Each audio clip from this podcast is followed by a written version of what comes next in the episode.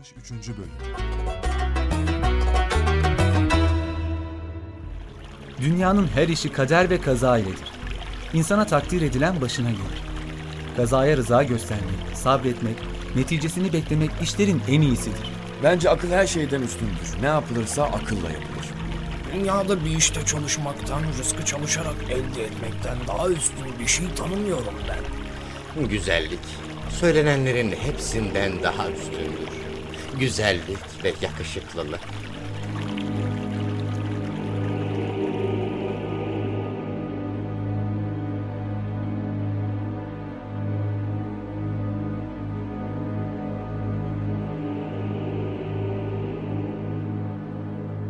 Bir şehrin yakınına gelmişler. Bir ağacın altına oturup istişare etmişler. Nöbetleşe geçimlerini temine karar vermişler.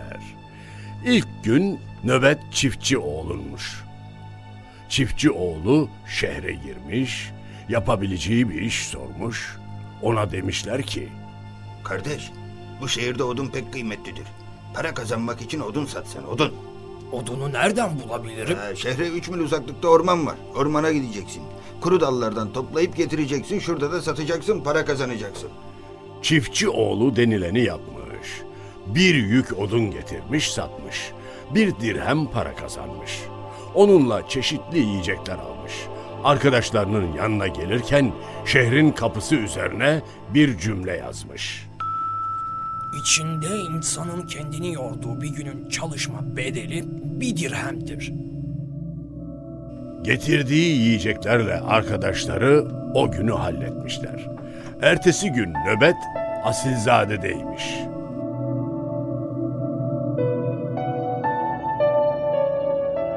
Hadi bakalım Asilzade. Bugün nöbet sende. Rızkımızı bugün sen temin edeceksin. Ah, nöbet bende mi? Ciddi mi söylüyorsunuz? Diğer arkadaşlarımız ne olacak? Evet sende. Onların sırası sonra. E, ama çok çabuk değil mi benim sıram? E, Ben beni en sona bıraksaydınız belki buna gerek kalmazdı. Hep birlikte böyle karar vermedik mi? Yürü nazlanma hadi. Ah, doğru. Hep beraber karar verdiğimize göre ben ne yapsam acaba? Ben bir iş beceremem, şehre bile giremem. Fakat gideceğim. Asilzade gönülsüz şehre doğru yollandı. Ne yapacağını bilmiyordu. Şehrin yakınında bir ağaca yaslanıp düşünürken uyuyakalmasın mı? Hepsi o gün aç kaldı desene. Acele etmeyin efendim. O sırada şehrin büyüklerinden birisinin karısı oradan geçiyormuş. Asilzade'yi görmüş. Gerçekten çok yakışıklı bir delikanlıymış Asilzade. Delikanlıya hayran kalmış.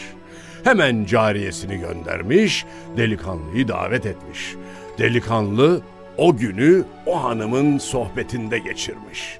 Akşam olunca 500 dirhem bahşiş verilmiş kendisine.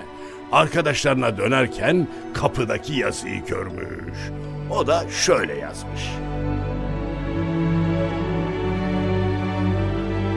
Bir günün güzelliği 500 dirhem ediyor. Üçüncü sıra Tüccaroğlu'ndaymış. Hadi bakalım Tüccaroğlu, sıra sende. Tamam kaderimse çekerim. Değil mi şehzade kardeş? Git sen de aklın ve ticaretinle bir şeyler kazan da görelim hadi. Telaş etmeyin arkadaşlar gidiyorum. Allah büyüktür. Akşama göreceğiz seni. Tüccaroğlu deniz kıyısına kadar yürümüş. İskelede bir gemi varmış. Bir grup tüccar kıyıda kendi aralarında konuşuyorlarmış.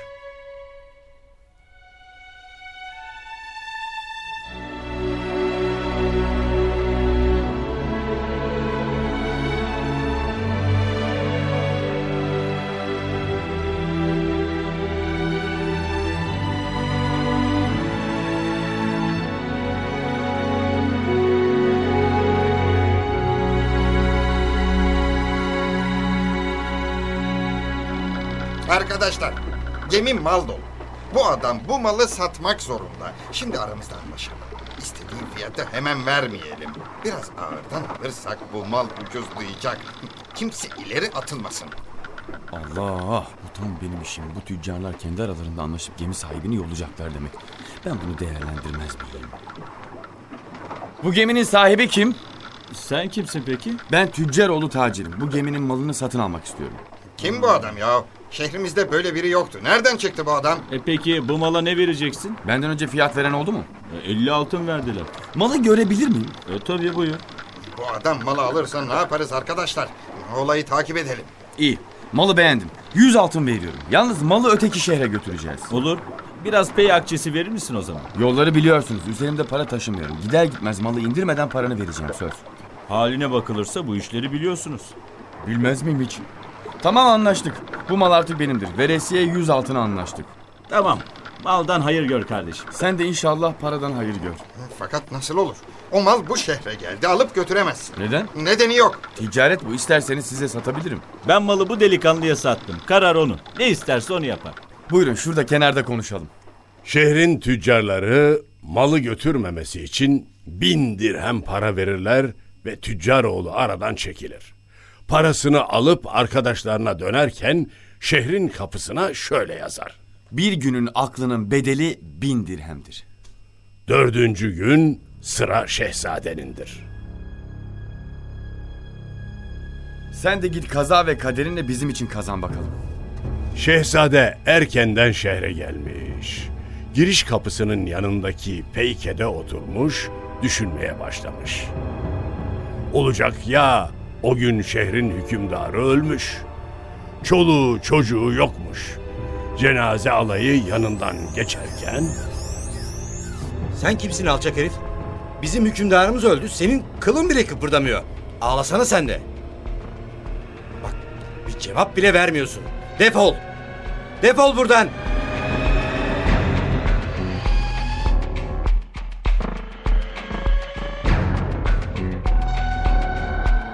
Şehzade sessizce yerinden kalkmış, oradan uzaklaşmış. Kalabalık geçince yine gelmiş, aynı peykeye oturmuş. Halk hükümdarı defnetmiş, geri dönerken Yine buraya gelmişsin. Ben sana buradan defol demedim mi? Neden geldin yine? Yürü, seni hapsediyorum. Casus musun, nesin? Yürü hapishaneye.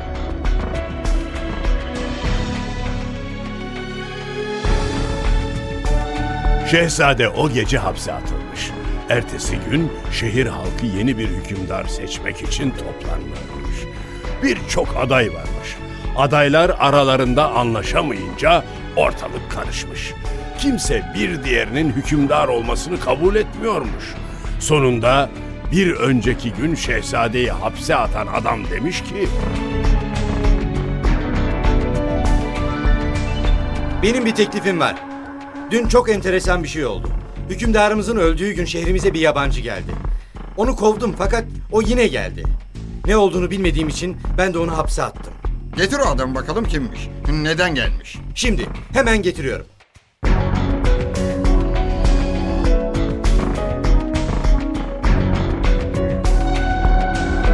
İşte bu. Sen kimsin? Nesin söyler misin? Ben Febiran hükümdarının oğluyum. Babam vefat edince abim taht konusunda üstün çıktı. Canımdan korktuğum için ben de kaçtım. Şu karşıdaki ormana geldim. Doğru ya. Ben bunun babasını tanırım. Rahmetli çok iyi bir hükümdardı. Çok iyiliğini görmüşümdür. Estağfirullah. O zaman bunu hükümdar seçelim. İtirazı olan var mı? Ha, ben uygun görürüm şahsen. Uygun görmeyecek olan olmaz. Sanmıyorum. Evet, yeni hükümdarımızı ilan ediyorum. Beyaz fili getirin. Hükümdarımızı ilan edelim. Ve şehzade o an yeni hükümdar ilan edilmiş. Beyaz file bindirilmiş, şehrin çevresinde dolaştırılmaya başlanmış. Şehrin kapısına gelince daha önce arkadaşlarının yazdığı yazıları görmüş. O da şunu yazmış. Çalışmak, güzellik, akıl ve dünyada hayır, şer, insanın başına gelen her şey Yüce Allah'ın kader ve kazası iledir. İşte benim halim bunun en güzel örneğidir. Sonra divanına gitmiş, tahtına oturmuş. Bir adam göndererek arkadaşlarını çağırmış. Akıl sahibini vezir, çiftçiyi ziraatçı yapmış. Asilzade'ye bol mal ihsan etmiş. Kadınların gönlünü çelmesin diye de şehirden sürgün etmiş. Sonra devlet adamlarıyla görüşmelere başlamış.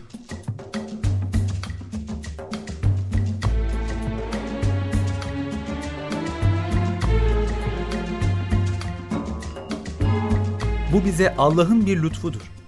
Kardeşim beni kovduğu zaman bu mevkiye kavuşmak bir yana, beni ve arkadaşlarımı yaşatacak rızkı bile bulacağımı sanmıyordum. Bu ancak kaderin bir cilvesi değil de nedir? Seni bu mevkiye getiren aklının kemali ve hüsnü zannındır. Hakkındaki zannımızı ve sana bağladığımız ümidimizi gerçek kıldın. Dünyada insanların en bahtiyarı Allah'ın kendine akıl ve basiret verdiği insandır. Bu sadece sana değil, bize de bir lütuf oldu. Ben de söz alabilir miyim? Elbette, buyurun lütfen. Ben seyyah olmadan önce eşraftan birine hizmet ederdim. Dünyayı terk etmeye karar verince o adamdan ayrıldım. Bana iki altın ücret verdi. Birini fakire versem diye düşünürken baktım avcılardan biri iki çavuş kuşunu satıyor. İki altına bu iki kuşu satın aldım. Onları hür bir yere götürdüm. Doğaya saldım. Güzel bir iş yapmışsınız. Peki bundan pişman oldunuz mu? Olur muyum? Hiç olmadım. Çünkü kuşları bırakınca hemen uçup bir ağaca kondular.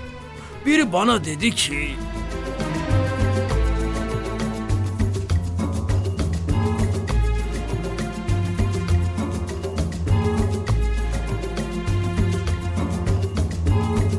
63. bölümün